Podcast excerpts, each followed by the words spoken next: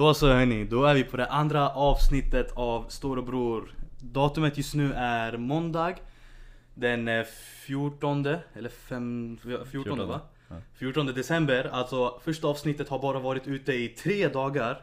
Tre eller fyra dagar. Och jag, har, jag ligger redan på 85-86 lyssnare. Det är helt sjukt, jag trodde inte på det här. Jag vill bara tacka er så himla mycket. Jag själv är jätteförvånad. Och eh, mitt mål är faktiskt 50 lyssnare eh, inom eh, fem avsnitt. Och vi ska fördjupa oss i det snart. För att vi har diskuterat det här förut. Eh, men det kommer bli kul. Vi, vi, vi, vi startar. Så dagens gäst, jag tänker inte säga så mycket om honom än. Eh, men eh, jag har känt honom hur länge som helst. Han har mobbat mig lite när jag var yngre. Vi ska också prata om det din lilla jävel. Eh, men eh, Mikael Hessen Wideling. Mikael Hessen. Berätta lite om dig själv. Skola, inriktning, ålder, intressen och bakgrund.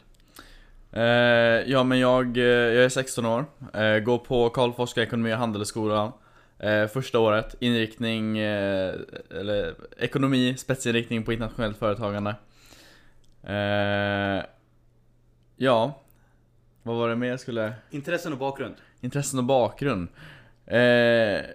Ja, min bakgrund är ju väldigt lång om vi säger så eh, Det är ju lite varför jag är här idag eh, Etnicitet bror. Etnicitet? Ja. Ja, på det sättet bakgrunden, jaha. Ja. Eh, ja, ja, men eh, jag är svensk. Eh, bott, i, bott i Sverige hela mitt liv. Mm. Eh, född och uppvuxen i Västerås i princip. Okej, och har du några intressen då? Eh, ja, jag har flera intressen. Eh, jag gillar att vara social, socialisera mig. Eh, sen är jag även med i en kör. Eh, Ja. Så jag gillar ju att sjunga också. Det ska vi också prata om lite mer snart. Ja. Det kommer bli jättekul. Eh, men varför har du de intressen? Varför gillar du? Varför, varför är du med i en kör? Eh, det var egentligen bara av en slump. Det var, jag konfirmerades, jag tyckte det var ganska ointressant. Eh, och sen skulle jag döpa mig i samband med konfirmationen. Mm. För man måste vara döpt för att konfirmera sig. Eh, och sen då musiken som spelade råkade ju då vara min framtida körledare. Han tyckte att jag verkade som någon som hade passat i en kör eftersom när jag eh, eh, satte ner eh, kannan med vatten Mm. som man hällde i dopfunten så fixade jag till den. Så att örat var utåt. Och sen backade jag tillbaks och fixade till den andra personen som döpte sig, den kannans öra liksom. Så att den fixades. Och då, han, det han såg i det var att jag då tänkte på mycket på detaljer.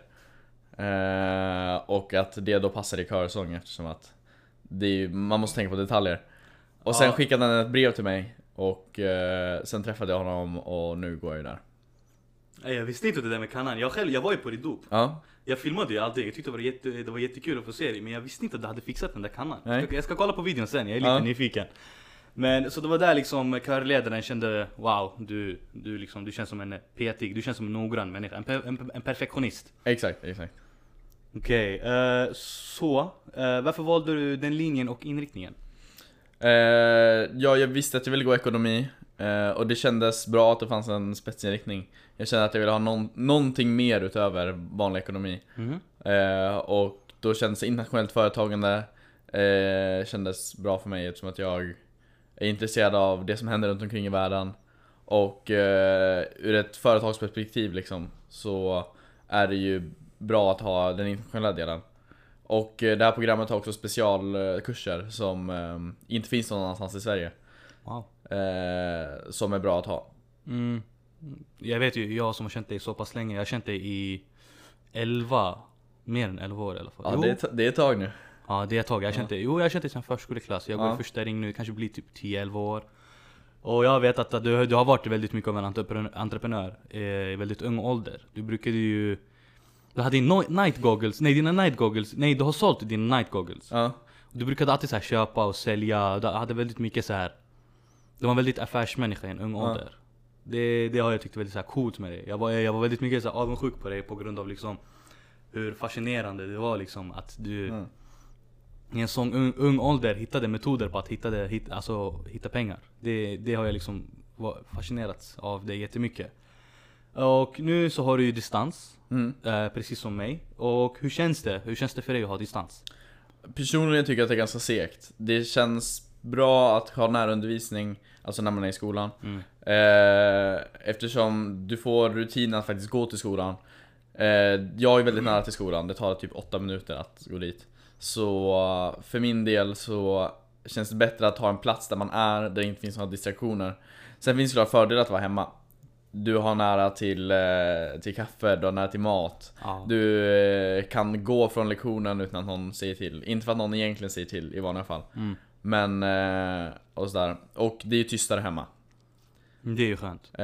Men jag föredrar nog att vara i skolan ändå. Det är en annan liksom mode man hamnar i när man Ja. är i skolan. Jag förstår, men så du, du känner att du har kontroll liksom över Över din disciplin till plugget Även när du har liksom de här resurserna För jag vet ju Väldigt många har ju liksom svårt med det på grund av att Precis som mig till exempel, det är så svårt att hålla liksom disciplinen och fokusen När man har alla de här andra sakerna runt omkring sig som kan enkelt distrahera Du vet när jag är i skolan, då är det, då är det liksom ögonen på tavlan och ögonen på läraren och det finns ingenting som kan distrahera dig. Mm. Snackar du med polaren då blir du ju tillsagd och det är det enda du kan nästan göra. Mobilerna är insamlade och man håller inte på mobilen under klassrummet. Det, det, alltså, det är bara dumt tycker jag. Så du, du känner liksom att du har kontroll över det. Du, du kan liksom sätta dig ner på bordet och du har liksom fokus. Du kan gå och liksom fixa en snabb kaffe, eh, ta liksom en bensträcka, men du har liksom fokusen på gång. Fokusen för mig har inte varit ett jättestort problem.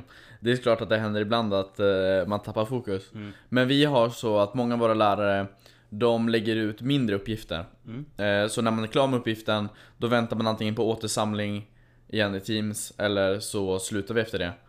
Eh, och jag jobbar ganska snabbt, så när jag är klar med det, då blir det ju oftast en längre rast där. Då tar jag oftast en promenad eller någonting. Så det är ju det som får det att vara väldigt okej liksom. Annars, det finns några lektioner, om jag bara hade haft sådana tunga lektioner Där man bara typ ska skriva, skriva, skriva, skriva Mm. eh, Då tror jag att det hade varit lite jobbigare Mm, jag förstår vad du menar. Och då... Jag antar att man, i och med att det är så, så svårt med disciplin så får man mer motivation när det är mindre uppgifter. För det känns som att man kan göra dem, man vill göra dem klart så snabbt som möjligt. Men om Ex- uppgiften tar längre än en lektion, då blir det mer av att man måste liksom Alltså man måste upprätthålla motivationen till nästa lektion och man tänker Ah shit jag måste fortsätta hålla på med den här uppgiften. Det blir så ut, psykiskt utmattande. Exakt Eh, de mindre uppgifterna är ju, man ser ju redan slutet så fort du får uppgiften i stort sett. Eh, Medan de här större, de, de måste man ju arbeta med mer. De är roliga, men eh, om jag hade haft det varenda lektion så hade det varit lite jobbigt. Torsdagar, då går jag 8.15 till 16.15 Och ha distans och ha bara tunga uppgifter under de åtta timmarna, det hade varit lite jobbigt. Jag förstår vad du menar, verkligen. Eh, så nu, nu, nu tänker jag, för, nu ska vi prata lite om din historia mm. För att den, eh, den har jag alltid varit fascinerad av. Och den, Mm. den, den, alltså den, ni kommer få se verkligen. Så, eh, jag tycker först börja med våran historia. Mm. Jag har ju känt dig sedan uh, förskoleklass. Mm. Och du har utvecklats väldigt mycket sedan dess. Tack och lov. Och du har haft väldigt annorlunda åsikter sedan dess också. mm. Eh, då så såg du på saker och ting väldigt mycket mer annorlunda än vad du såg på dem idag. Mm. Så eh, du kan ju berätta liksom eh, hur det började till. För att jag vet att din pappa var involverad i det också. Mm. Din pappa hade en stor påverkan liksom på din mentalitet när du var yngre. Mm. Så du kan berätta liksom hur det där var och hur det kändes för dig. Ja, vart ska man börja? Eh, ja, man har väl inte alltid gjort de bästa valen. Mm. Sagt du och jag lärde känna varandra.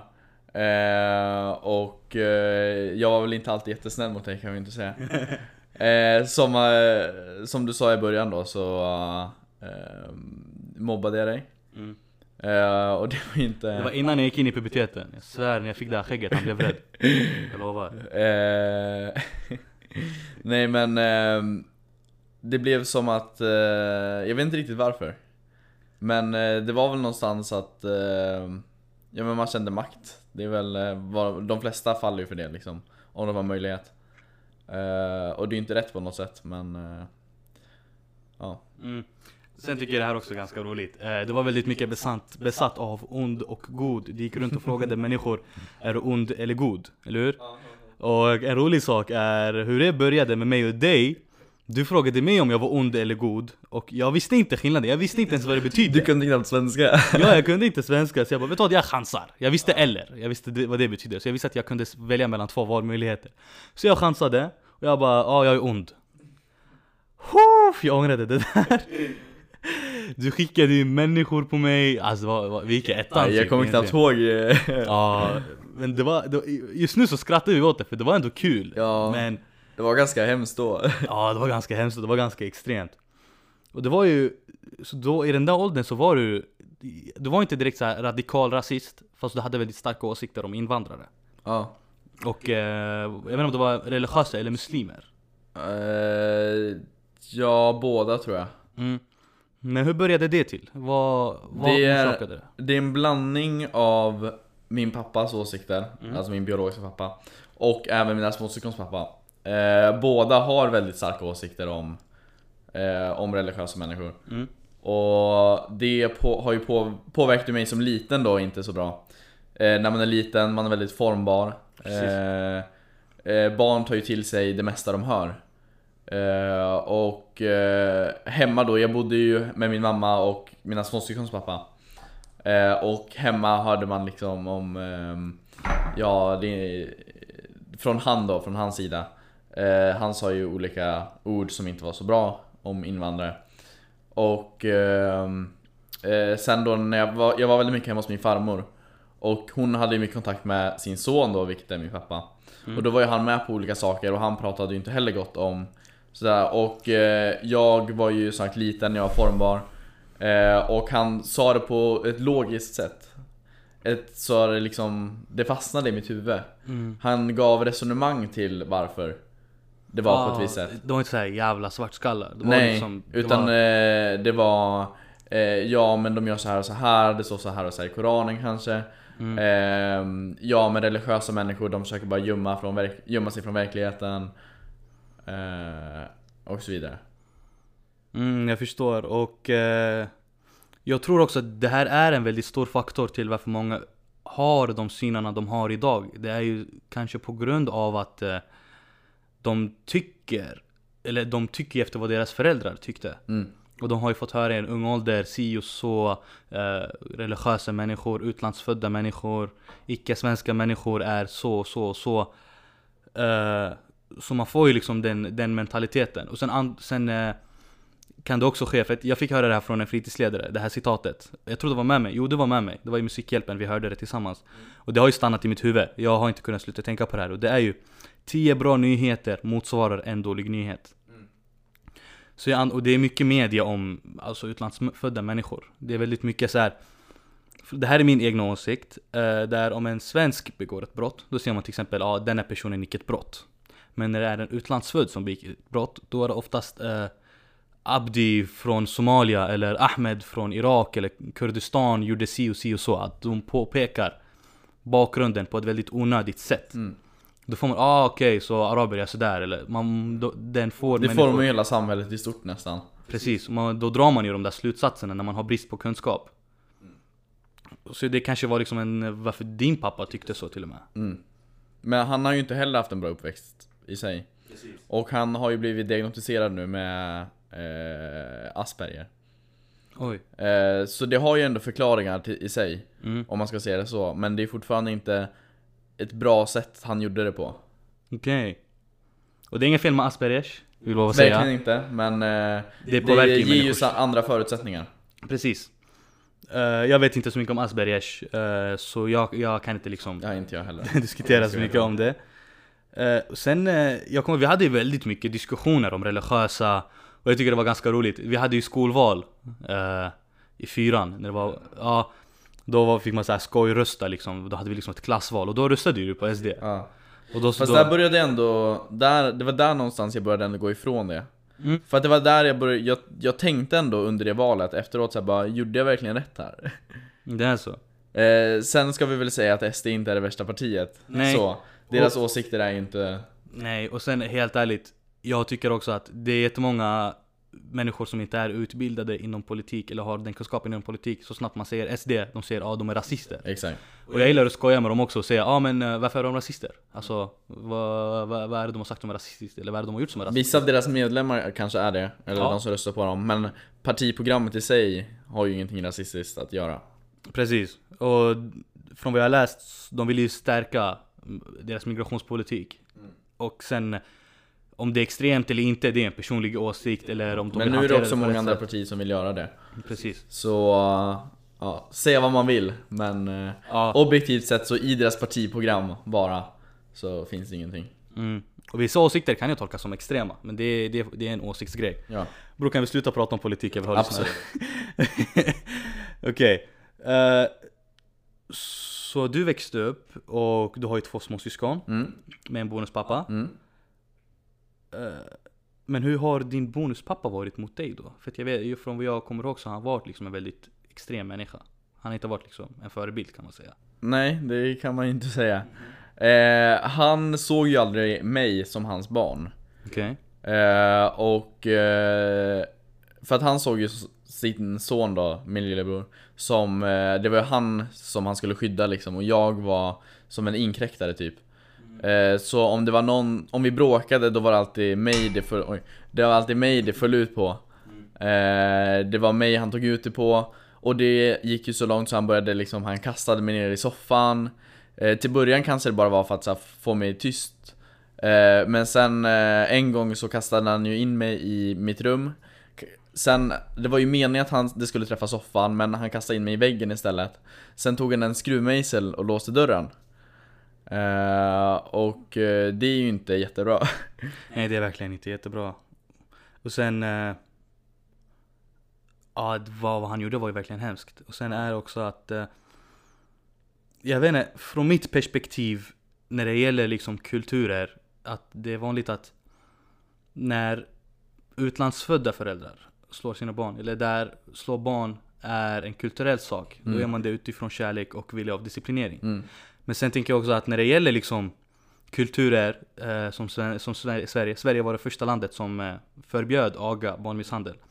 Där när det, när det blir liksom barnmisshandel, då är det inte utifrån kärlek och vilja disciplinering. Nej. Då är det utifrån hat och ett djupare problem. Ja.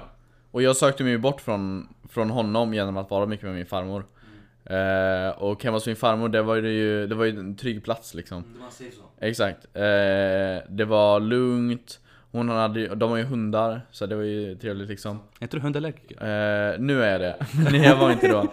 vilken tur, vilken tur! Eh, och eh, sen blev vi också, jag ska inte ljuga, jag blev ju bortskämd där också. Ja men det förtjänar du. Exakt, men med, med saker och det var ju... När man är liten, man klagar inte. Hon förstod verkligen din levnadsstandard och ville göra det bästa av det. Ja, sen var det väl lättare för henne också att ehm, eh, Att göra så, och hon hade väl inte lyckats med sin son direkt Så hon ville väl lyckas med sitt barnbarn istället då Wow. Och då la ju hon själv ner också väldigt mycket tid på att vara med mig, leka med mig wow.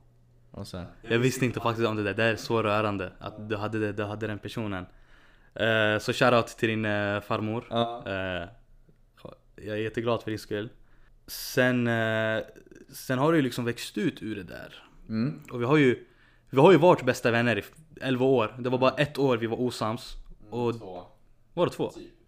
Nej det var... Det var Jo, vinter, jo. vintern i fyran, Precis. då... Nej det var vintern i femman. Nej! Var det nej. femman? Jag tänker när du, när jag blev arg på dig och sa att du såhär gola ner mig, golare har ingen polare. Ja ja, men däremellan också, innan det Ja i och för sig, vi, vi blev ju osams. Och där kan jag ta fullt ansvar. Det var Ja. jättepatetiskt av mig. Eh, eh, sen uh, insåg jag ett, efter ett år, och jag ångrar verkligen att det tog mig ett år att inse det. Jag önskar att jag hade varit med vän med dig också under det året.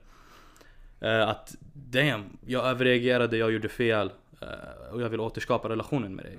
Och vi fick tillbaka relationen väldigt snabbt faktiskt. ja. Genom gården ju. Ja det var genom gården, det var, vi chillade i gården, du frågade mig, vi pra- jag var väldigt öppen och spelade pingis, du satt bredvid mig och pratade och så frågade du mig bara liksom en fråga och jag svarade på den. Och därifrån har, tror jag, vi är väldigt macho jag och du och det blir så här, du vet känslor, så här, Ja. gråta ut och krama ut, det är inte så mycket vara en grej.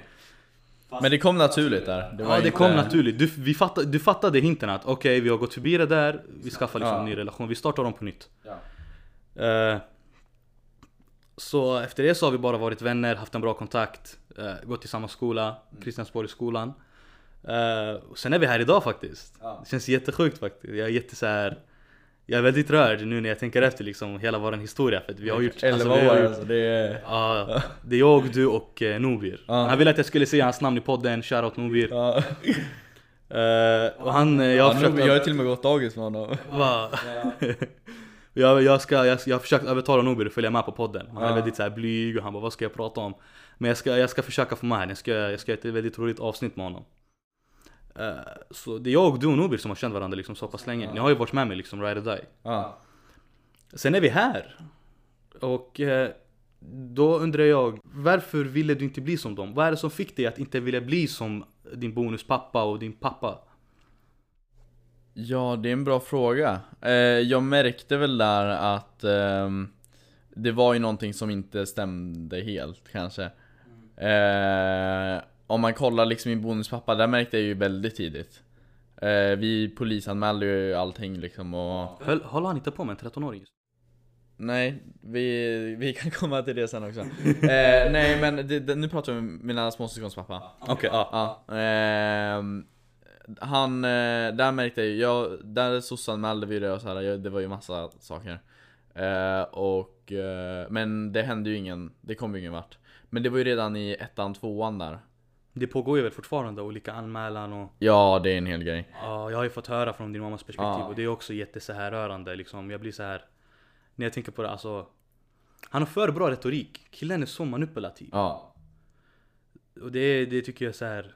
Där missbrukar han liksom han, alltså han, Om han hade liksom använt den bra, grymma retoriken, att använda det till bra. Som vi pratade om förra avsnittet med Hitler. Där han hade också liksom väldigt bra retorik och liksom, han var en väldigt duktig talare. Din, din bonuspappa var lite samma sak också. kanske vi inte ska jämföra honom med Hitler. Nej, men, nej, eh, alltså talang, talangmässigt kan man säga. ja. Eh, så du fattade liksom i hinten att det, det var någonting fel? Det var inte... Ja, och eh, jag menar bara att eh, den togs tag i lite, det, kom, det gick ju ingen vart. Eh, men det var ändå att det ändå togs tag i visade ju ändå någonstans att ja, men det här kanske inte är helt rätt. Eh, och ehm, sen började jag ju få lite bättre relation med min, van, min biologiska pappa då. Eh, men den varade ju inte jättelänge. Jag märkte ju, han var ju, han var ju alkoholist, eller ja, han är väl fortfarande. Eh, och ehm, han älskade att röka. Eh, och som vilken, vilket barn som helst så ville man ju inte att sina föräldrar ska röka liksom och så här, skada sin kropp. Eh, och en gång, det här var sista gången jag då pratade med honom. Eller jag har pratat med honom en gång efter det. Men eh, det var 2016 eller 15 Då, jag hade precis köpt en dator. Så jag hade så här, åkt till posten, hämtat, mina, hämtat grejerna liksom. Jag bad min farmor att skjutsa mig dit för att det var ganska mycket. Eh, och då var han med och vi satt i en eh, tvåsitsig bil. Eller två, en bil med två dörrar. Och sen är det två säten fram och sen måste man luta fram sätet för att eh, komma ut bak. Eh, och eh, då var han så här, kan jag få gå ut för att ta en cigarett? Och jag var så här, nej du borde inte ta en cigarett liksom. Eh, och då tog han, han vägrade lyssna på det, så tog han sina ben liksom Och eh, så här, benpressade upp sätet istället Och då, jag fick ju ont, uppenbarligen, för att jag klämdes ju mellan Så sätet han satt bak och du satt fram. Exakt, så tryckte exakt. han liksom di- dig mot eh, glove compartment. Ja, exakt Damn. Så att det blev liksom, eh, ja, jag, jag blev liksom klämd under, under stolen. Eh, och, Bara för att han skulle ta en cigarett. Exakt, bara för att han skulle ta en cigarett.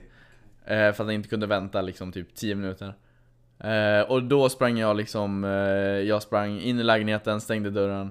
Och sen pratade inte han med, hon- med honom på fyra, om inte fem år Innan i år, då jag pratade med honom. Och det var ju väl för att han skulle signera Ja, han har inte gjort det än herregud. det är det som händer när man röker hörni. Alltså det... Du, jag glömde säga det, da- du är ju dagens storebror. För att jag anser att alla mina gäster är ju storebröder. Så jag, vill- jag antar att du berättar liksom som storebror hur missbruk kan påverka en. Och missbruk, när man tänker missbruk då är det vanligtvis alkohol och droger. Ja. Men missbruk är bara att man har ett beroende som man inte kan kontrollera. Vill ha något så mycket som man ser över allt annat typ Precis. Och det kan ju vara vad som helst. Alltså man, man kan ju missbruka choklad om man. Alltså, Ja, och jag antar att vad för slags missbruk det än är så är det inte bra. Nej. Min mamma brukade säga, min mamma sa det till mig när jag var liten. Jag, jag, jag brukar inte glömma citat för att jag värdesätter citat så mycket. Hon sa till mig, spelar ingen roll vad det är, för mycket av det är inte bra. Mm. Och det, det är helt logiskt. För mycket av vad som helst är inte bra.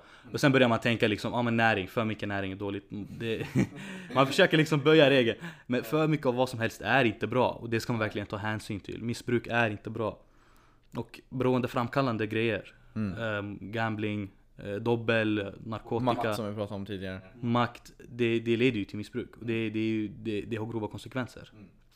Så jag antar ett tips till dagens ungdomar är att försöka akta sig från sånt i, så mycket som möjligt. Ja, och även reflektera, även fast det låter skittråkigt kanske.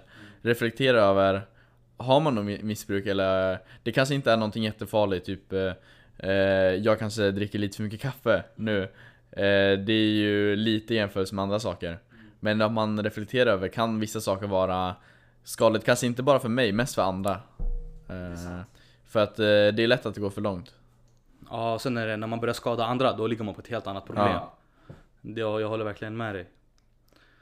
Men eh, om du fick resa tillbaks i tiden till när du var nio år, för då var det liksom Då började du komma ut ur det, fast det var ganska mycket då. Det pågick ganska mycket med farsan, med bonusfarsan. Om du fick resa tillbaks till den tiden när du var liksom nio år, vad skulle du säga då till dig själv? Ja, det är en bra fråga. Ehm, jag vet inte om jag hade sagt såhär, eh, att inte göra vissa saker. Eh, det kan ju låta, låta hemskt, men eh, samtidigt, hade, inte, hade det inte hänt som det hade gjort så hade man ju inte varit här idag.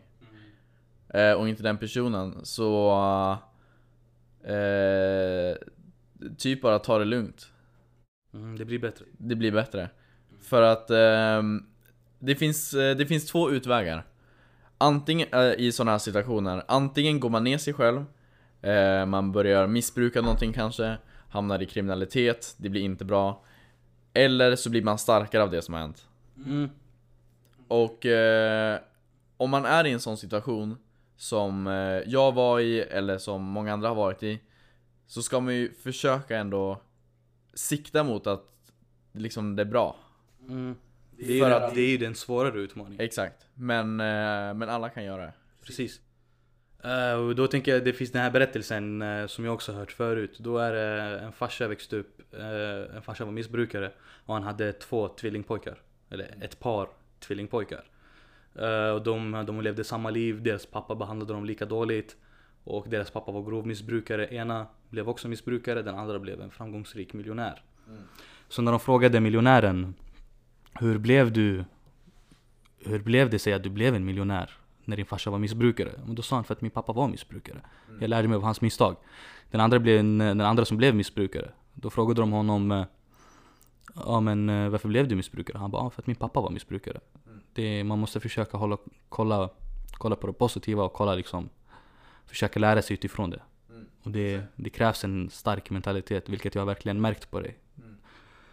Eh, och sen har jag också tänkt på det här att tror, jag börjar fundera på det här nu. Tror inte du att jag var en av de faktorerna till att du inte blev som dem? För du fick ju ett väldigt starkt perspektiv av invandrare, av religiösa människor, av mig. För jag, jag tror jag var en av dina enda mellanöstra, eller invandrarvänner egentligen då. Ja, du och, du och Nobir. Mm. Så jag antar att vi fick dig liksom tänka, ja ah, men vi, vi var bev- levande bevis på att vad de sa inte var helt rätt. Eller var Jag inte tror rätt. på, tror på flera plan fa faktiskt. Eh, åt ena sidan hjälpte det här med invandrare och sånt.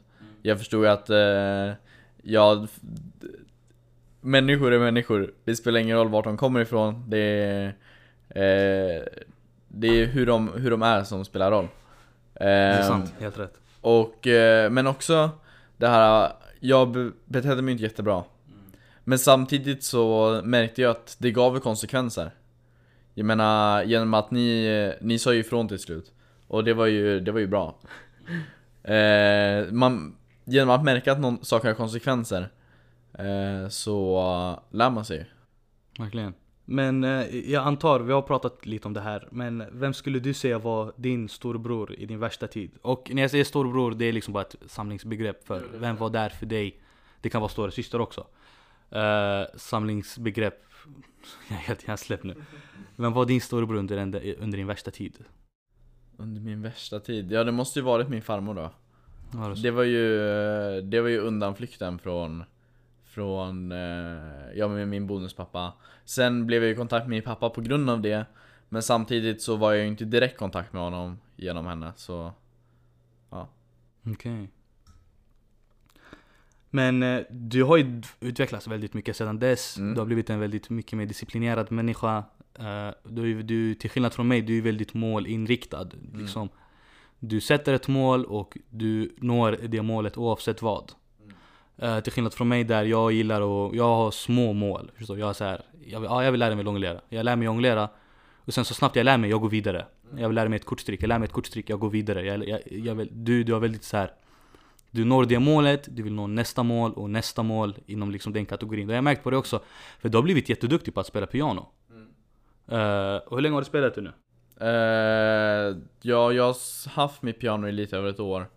Men eh, allting jag kan lärde jag mig på fyra månader. Mm. Det är verkligen så här. Men då skulle jag vilja fråga dig, vad är disciplin för dig? Alltså disciplin, det är ju det mesta. Det är ju det som, alltså för mig då, eh, det är ju nästan grund, grundpelaren. Eh, jag menar, har man inte disciplin så kommer man inte, alltså någon form av disciplin finns ju alltid där. Eh, och det är ju ändå disciplinet som gör att du faktiskt gör saker. Eh, har du inget disciplin så kommer du inte gå upp på morgonen. Du kommer inte bry dig om du kommer för sent till skolan. Du kommer inte vara disciplinerad nog till att vilja, vilja och våga utveckla dig själv. Så det är ju grunden.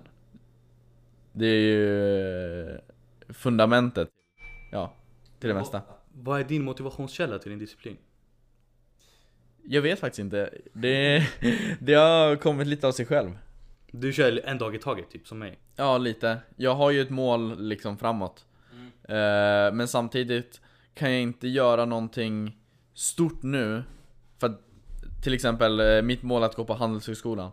Ja. Eh, det är ju ingenting jag kan påverka. Jag kan ju inte skriva på en ansökningsblankett nu direkt. Då måste jag ta det en dag i taget. Eh, och mitt mål för att komma dit är ju genom skolan. Ja men så din motivationskälla är små mål kan man säga. För det, det är väldigt många människor som har liksom den mentaliteten att jag ska bli miljonär. Och det är det, det är det enda målet de har. Men du känns mer av en sån här, jag ska bli miljonär genom att göra si, så, så och så. Men jag tror att det viktiga är att njuta av vägen. Ja, Till exempel med träning. Jag tränar ju, eh, gymmar. som i helvete. Eh, flera dagar i veckan. Eh, och eh, jag vet att eh, det är såklart att jag vill, eh, vill bli större. Eh, Det vill de flesta som eh, styrketränar. Eh, men eh, jag vet ju också att så njuta av vägen. Vad är jag mer får ut av det? Det är så här, när jag går upp på morgonen tränar. Eh, det är en bra start på dagen. Jag får energi under dagen. Eh, man får kontakter, eh, andra som tränar, man får nya vänner. Det är liksom, man ska njuta av det som kommer med att man gör någonting. Mm, man ska njuta under processen. Sen tror jag också att det är många, många som är väldigt så här. ja men jag ska gå ner 30 kilo, punkt slut. Och de tränar, köttar på, strikta diets, uh, gränsen av att svälta sig själva, extrema diets. Gå ner de här 30 kilon och bara okej men nu är jag här. Vad, Exakt. Vad, vad då nu? Exakt. Oftast är vägen nästan mer givande eh, om man tar vara på det än målet. Verkligen. För att man kommer aldrig vara helt nöjd.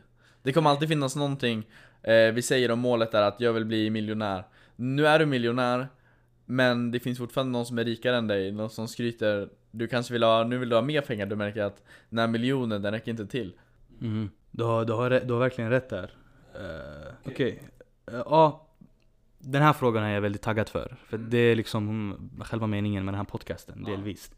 Till barn och ungdomar som upplever det du har upplevt. Vad skulle du vilja säga till dem? Eh, som jag nämnde lite tidigare eh, Det är Det är inte så att man är fast där för alltid Och jag vet, jag, jag vet folk som fortfarande mår dåligt liksom Och de tror inte att det är eh, Nej men jag kommer aldrig kunna må bra och så här, Men med den mentaliteten så kommer man troligtvis inte kunna må bra eh, Det handlar om att kunna Man måste börja sm små steg. Eh, En sak i taget. Om du finner lycka i någonting Gör det lite mer liksom. Eh, Så länge det är liksom på bra banor. Eh, Självklart. Eh, Så det handlar om, där som vi pratade om väldigt nyss. Sätt upp ett mål och njut av vägen. Om man mår dåligt, man är i en dålig situation Ja men Målet är att då må bättre Ja men njuta av vägen till att gå dit. Det kanske är lite svårt ibland, men eh, det som bryter ner det gör dig bara starkare. Samma sak med träning. Du tränar, du tränar, du bryter ner musklerna, men sen när du vilar genererar, musklerna blir större för att kunna klara av mera. Samma sak med psyket och med den psykiska hälsan också. Den bryts ner, ja, men den blir också starkare efter. Mm, det, det, det är sant, det är sant. Och sen är det så här att eh, Sen tycker jag också det är Ångrar du att du inte sökte professionell hjälp? Eller visste du att man kunde söka professionell hjälp? Alltså jag fick ju typ professionell hjälp ett tag I samband med mina pappa Men eh, jag visste inte exakt, jag var ju liten. Eh, det var ju, min mamma lämnade ju min bonuspappa, eller ja, inte längre, mina pappa eh, När hon fick reda på vad som hade hänt. Hon mådde ju inte jättebra i den relationen heller. Så att jag sen kom ut och berättade vad som hade hänt var ju liksom, det var ju sista droppen, det var ju det som fick henne att rulla över kant eller faktiskt flytta ifrån honom. Eh, så, och sen fick vi ju det här med SOS och sånt men det var Det sköttes inte riktigt 100% kanske. Eh, Så, och det är ju Det är ju många familjer som känner likadant. Eh, Så, och samtidigt måste man ju förstå att ibland kanske det bara inte finns tillräckligt mycket bevis eller tillräckligt mycket eh, grund för att kunna bygga någonting eh, Så jag ångrar nog inte att jag Eh, att jag inte tog professionell hjälp för att jag fick ändå det som behövdes. Jag menar jag sitter ju ändå här. Eh, och eh, nu tänker jag ju knappt på det som har hänt. Förutom när det tas upp typ så här. Mm, jag förstår. Och då antar jag att tipset man skulle kunna ge att om man känner att man lever i en väldigt extrem situation är att försöka, så svårt som det än är, att till exempel om man lever med en väldigt toxisk människa Som vi snackar om mål, att man ska försöka sätta upp målet att bli av med den människan Komma så långt bort ifrån den som möjligt och om problemet är brist på bevis, då kan man ju väldigt mycket försöka att få tag på bevis. Ja. Det handlar ju lite om vem det vi pratar om också. Jag var ju väldigt liten. Mm. Jag visste ju inte exakt vad som pågick. Vi var på ett utredningshem, typ Vårdljus heter det. Det ligger i Stockholm. Eh, jag tyckte ju nästan att det var kul. Man fick komma bort från hemma. Eh, det var nya människor. Men för dig det var så normalt? Exakt. Du visste inte att folk hade det bättre typ? Nej men alltså det var ju folk i svåra situationer som var där självklart Men eh, samtidigt så var det ju ändå Jag förstod mig inte riktigt på det heller Och varför vi var där, jag visste att vi var där för På grund av mina syskons pappa Men samtidigt så var det ju ändå en rolig grej, jag var i Stockholm, den stora staden eh, Vi hade direkt tillgång till tunnelbana och så här. det var ju Det var ju mer så, jag förstår om man är äldre så är det ju lite svårare för att man förstår mer, man har mer referensramar. Eh, Men samtidigt får man ändå någonstans försöka um, tänka sig att det kommer bli bättre. Och samtidigt eh, Vill man ha hjälp så finns det hjälp att få. Mm. Men känner man inte att man behöver hjälp så behöver man inte ta det Det handlar ju helt om vad man själv känner mm, Det är sant Sen är det svårt också att inse att man behöver hjälp. Jag ja. tror det är där problemet ligger. Ja. Uh, alltså vi kan, sånt här ämne kan vi prata om i dagar egentligen. Ja. Det, är, det är så djupt. Uh, och jag ska, jag ska försöka faktiskt, för att jag vet en, en tjej som jobbar i socialtjänsten. Du kanske kommer ihåg henne? Hon brukar komma till gården väldigt ofta. Ja, namn och ansikten är inte min grej.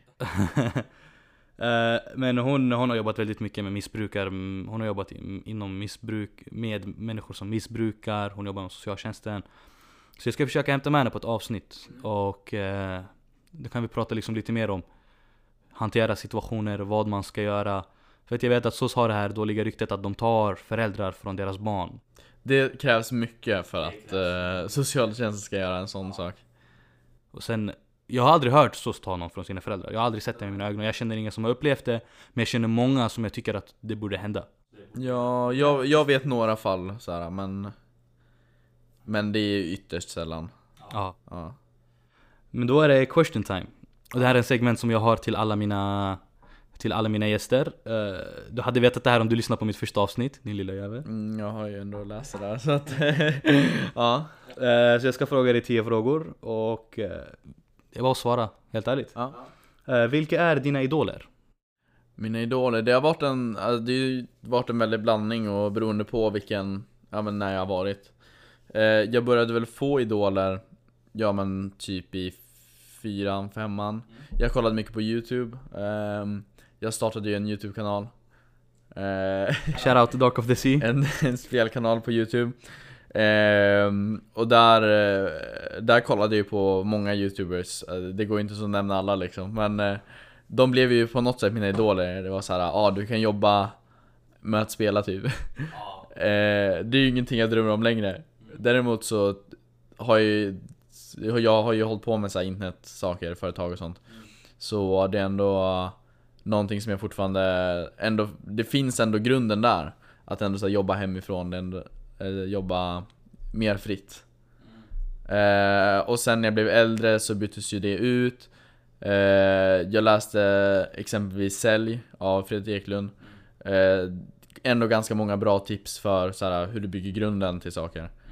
Ehm, Apropå Fredrik Eklund, jag ska lägga ner blod, svett och tårar för att försöka få med han. Det, Det kommer vara svårt det kommer vara svårt men han är en av mina, han är, ja, han är också en av mina idoler faktiskt. Ja, Han är en sjuk förebild ja, jag har aldrig hört någon som har läst hans bok inte det, sagt Ja. att den är dålig. Så om ni vill ha liksom en riktigt, läsa en riktigt bra bok, eh, då är det Sälj av Fredrik Eklund. Och jag ska försöka få med han hit, för att han, eh, han, han skulle, alltså det hade varit så roligt. Ja, han är... Ja, hans bok, jag har läst den två gånger det, Den är sjukt bra Nej. Uh, Okej, men vad är dina framtida planer? Framtida planer är ju att eh, jag nu går klart gymnasiet. Jag vill komma in på Handelshögskolan. Eh, Men samtidigt så vill jag också starta någon form av internetföretag igen. Jag hade ju sommarlovsentreprenör eh, Försökte sälja klockor, gick inte jättebra. Eh, Men man lär sig sagt av sina misstag. Eh, och eh, det är ju sånt jag vill göra egentligen. Så det, jag vill ju ha eget företag när jag blir äldre så utbildningen där är väl egentligen bara en grund för att kunna göra det bättre typ Ja, jag förstår vad du menar. Och sen eh, nu, nu som jag driver ett eget företag att eh, jag har aldrig varit så glad. Alltså jag var så, det krävs så mycket motivation och liksom starta. Du kanske vet det här också, du vet Ja. den här klicken att lansera, liksom starta. För att man, jag hade ju förberett i sex månader. Jag, jag var så här, jag var redo. Jag fick förbereda typ så här en vecka Men det krävs mycket så här, att man behöver den där pushen. Som tur så hade jag min storebror så liksom, som satte mig på plats och bara du måste släppa ut ditt första avsnitt nu.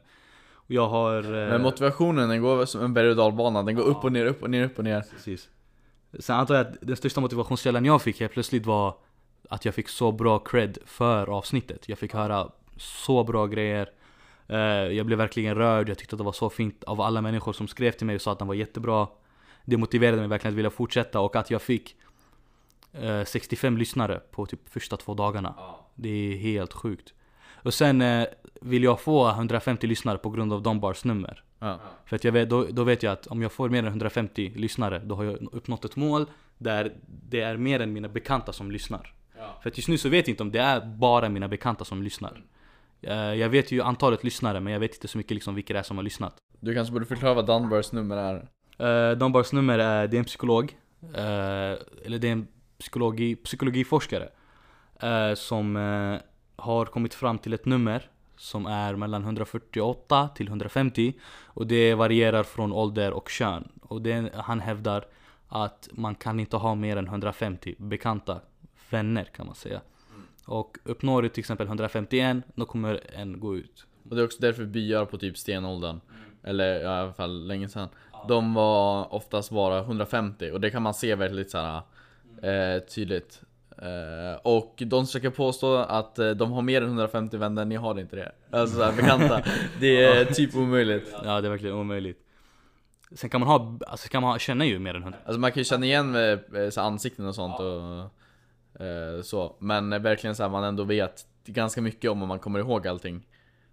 Ja, 150 Men vad betyder framgång till det, för dig? Eh, ja, framgång för mig. Ja, det är en bra fråga. Jag, jag funderade också på det när jag Ja. fick den. Ehm, jag vet inte om det finns någonting som egentligen är framgång på det sättet. Det var ju återigen, om vi går tillbaka, att njuta av vägen.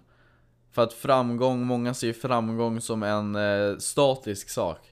Eh, som framgång, det är när jag har 10 miljoner kronor eh, på kontot eller eh, Eh, jag är ekonomiskt fri, men samtidigt kommer det alltid vara någonting som drar igen om man inte är helt nöjd.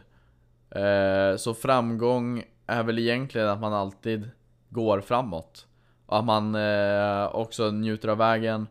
Eh, men att man aldrig ändå lägger ner utan eh, framgång är bra tills eh, är bra så länge det finns någonting som pushar den. För att eh, slutar det finnas något som pushar den, då kommer du tappa känslan av framgång. Mm, det är sant.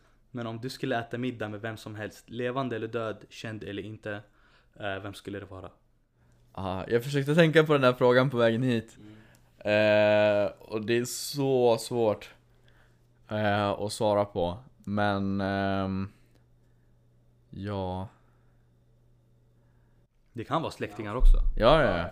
Ja. Ah, alltså det låter tråkigt men jag måste nästan säga Hitler alltså.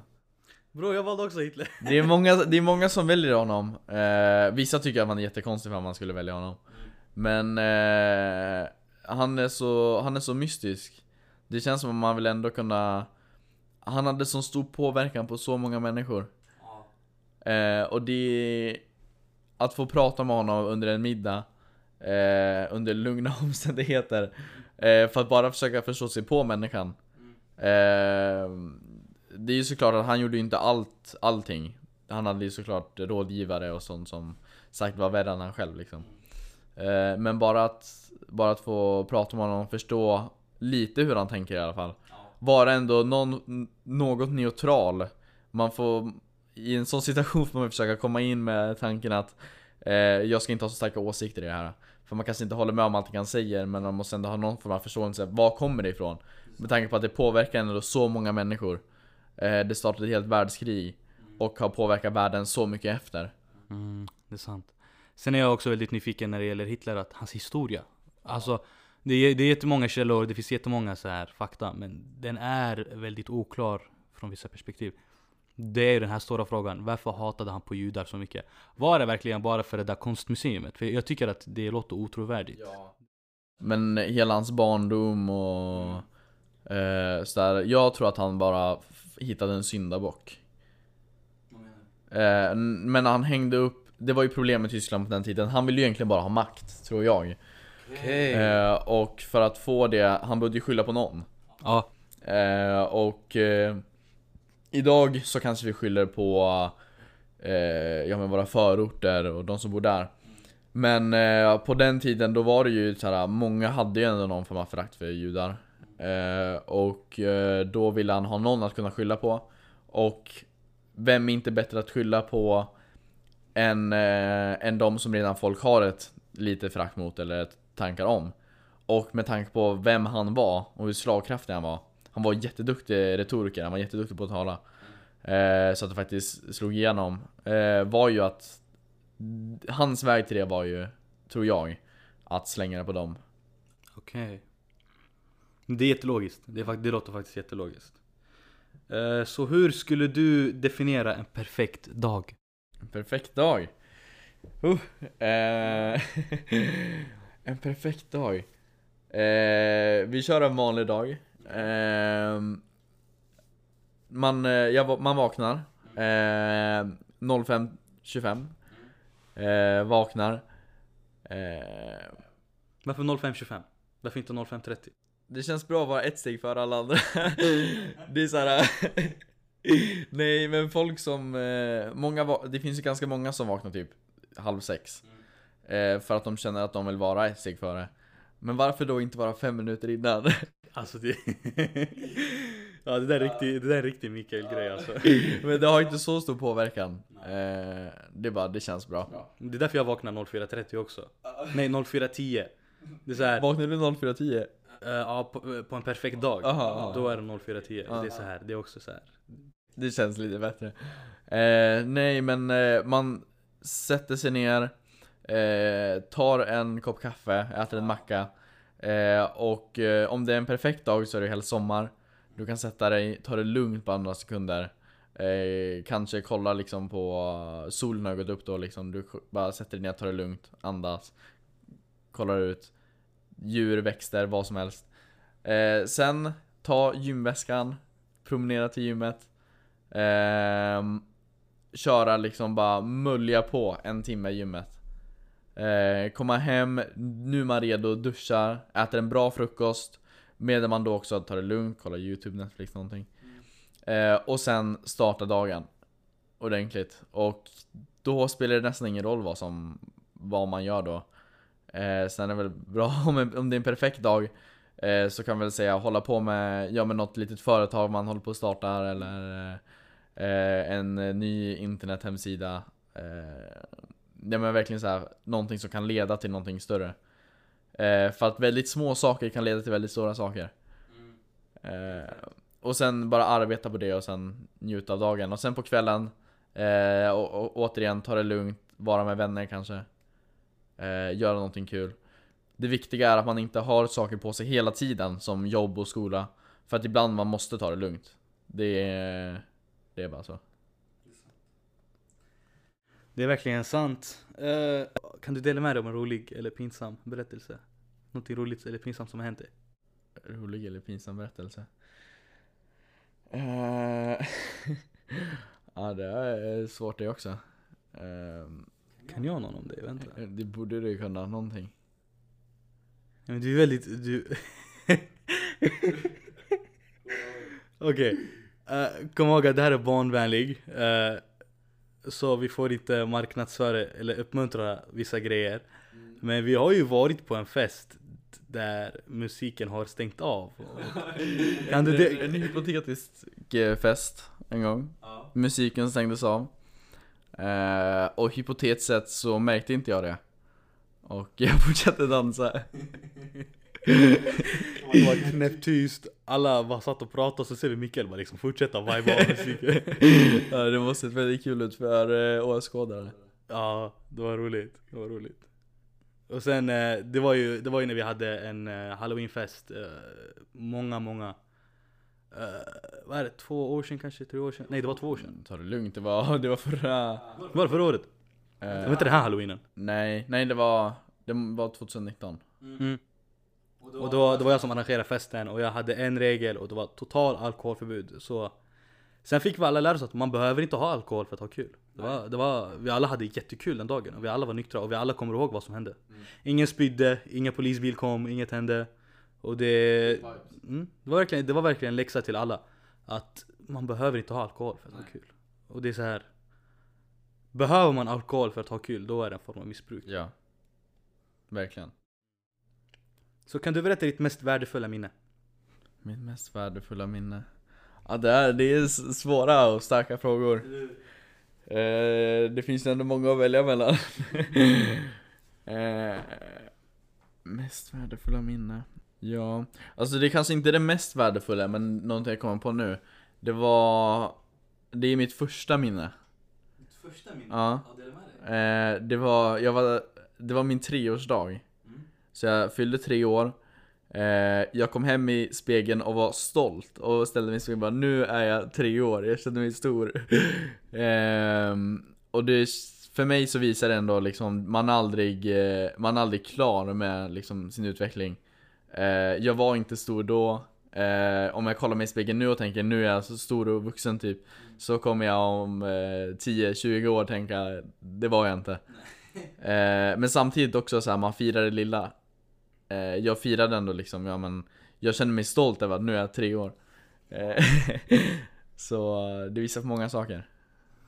Mm, jag förstår vad du menar. Eh, jag brukar alltid tänka att när man är liksom 20-30 år, det finns ingen vuxen människa som har sagt att jag var mogen när jag var 15 år. Nej. Man, alltså, man måste ta dumma beslut och man måste lära sig av dem. Ja. Någonting dumt kommer alla göra någon gång som man kommer kolla tillbaks på och vara så här: "Ah, nej. Ja, det är sant. Sen kan man försöka vara kaxig och tänka nej jag eh, sitter här nu och bara nej men vad dum jag var då och sen tänker man att man är perfekt nu men man utvecklas hela tiden. Det stämmer. Det stämmer. Men du, jag tror vi är klara för idag. Hur känns det? Första, det här är väl ditt första podcastinspelning? Ja. Seriösa? Ja. Tack för att jag fick komma. Ja, det är ingen fara. Har du några du skulle vilja ge en shoutout till? Eh, ja, vi har ju redan shoutat av min farmor. Eh, vi kan ju shouta av min mamma också. Eh, Jag vill spela in ett avsnitt med henne också. ja, hon, har, hon har erbjudit sig. Eller hon, jag sa att jag skulle hit, hon sa att hon eh, gärna hade kommit hit. Ja, jag har inga problem mot det. Hon var ju, hon var ju på rullstol förut. Ja, Och då hade läkarna sagt att hon, hon kommer inte gå igen. exakt. Och idag går hon. Idag går hon. Jag får så här rysningar när jag ser det. När jag såg henne gå för första gången. Det var verkligen ett mirakel. Alltså, det, det är så fascinerande. Det är så coolt. Eh, ja men shoutout till henne, men hon har ju inte, hon har haft det svårt också genom hela det här. Så, ja. Hon har ändå hållit ihop det bra. Ja, verkligen. Så, ja, vi är klara för idag. Hoppas ni gillade avsnittet. Eh, tack och hej.